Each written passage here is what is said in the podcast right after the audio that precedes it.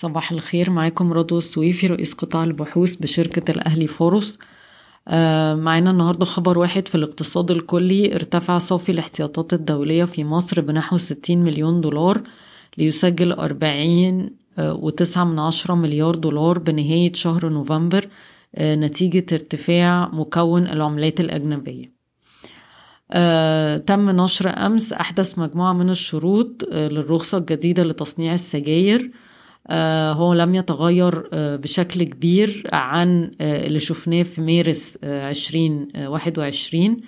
ويعني أهم الشروط اللي تهمنا نعرفها واحد إن تم تحديد الحد الأدنى للإنتاج لمليار سيجارة في العام وده أقل شوية من ال 15 مليار سيجارة اللي كان طلع في العطاء الأصلي. تاني حاجة الشروط المعدلة فيها دلوقتي هيكل تسعير هيخلي المصنع الجديد يقدر إن هو يدخل في الشرايح الضريبية المنخفضة أو المنتج اللي هو سعره في أقل مجموعة.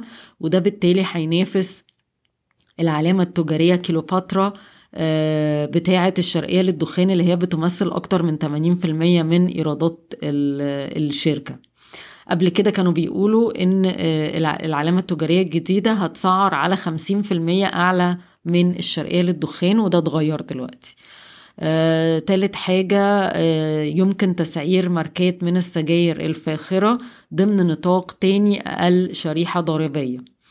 آه، في نفس الوقت برضو الكتيب بيحافظ على آه، الشرط بتاع دخول الشرقية للدخان بحصة 24% في المصنع الجديد.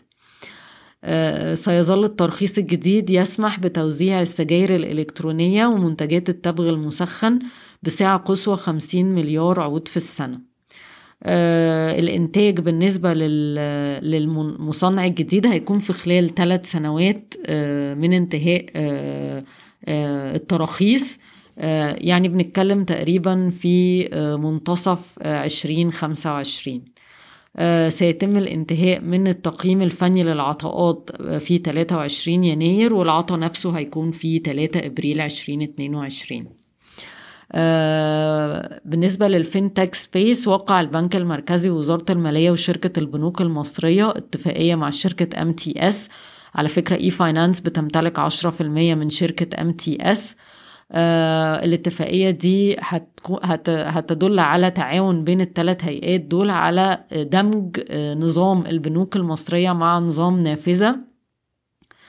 آه وبنفكركم إن معظم المستوردين آه سجلوا في نظام آه الشحن المسبق Advanced Cargo Information Systems.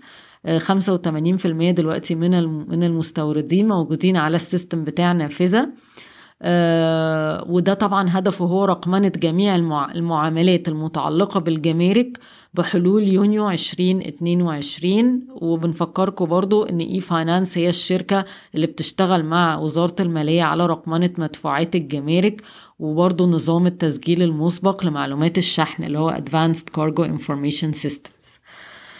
الحكومة تمضي قدما في بناء محطة الضبعة للطاقة النووية. بدأت حوالي 300 شركة سجلت لتوريد المعدات والمكونات المحلية لمحطة الطاقة النووية. وطبعا ده هيكون مشروع كبير وهيأثر على قطاع التشييد والبناء والطلب على مواد البناء في مصر بشكل عام. آه، تم تنفيذ عرض آه، آه، الاستحواذ المقدم من الدار على شركة صادق امبارح والشركة والكونسورتيوم استحوذ على 85.5% من أسهم شركة صادق. توقع المطورين العقاريين في مصر زيادة أسعار العقارات بحوالي 20% في عام 2022 مدفوع بزيادة في تكاليف البناء من 5 ل 10% أعلنت شركة كيما أن رفع أسعار الأسمدة المحلية المدعومة من 3000 ل 4500 جنيه للطن آه إن ده هيرفع إيراداتها كل شهر بحوالي 7 مليون جنيه.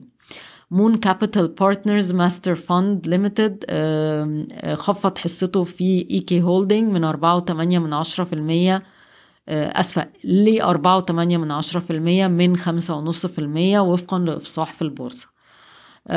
شركة EFG إدارة الأصول حصلت على الترخيص لبدء إدارة صناديق الاستثمار. بشكركم ويوم سعيد.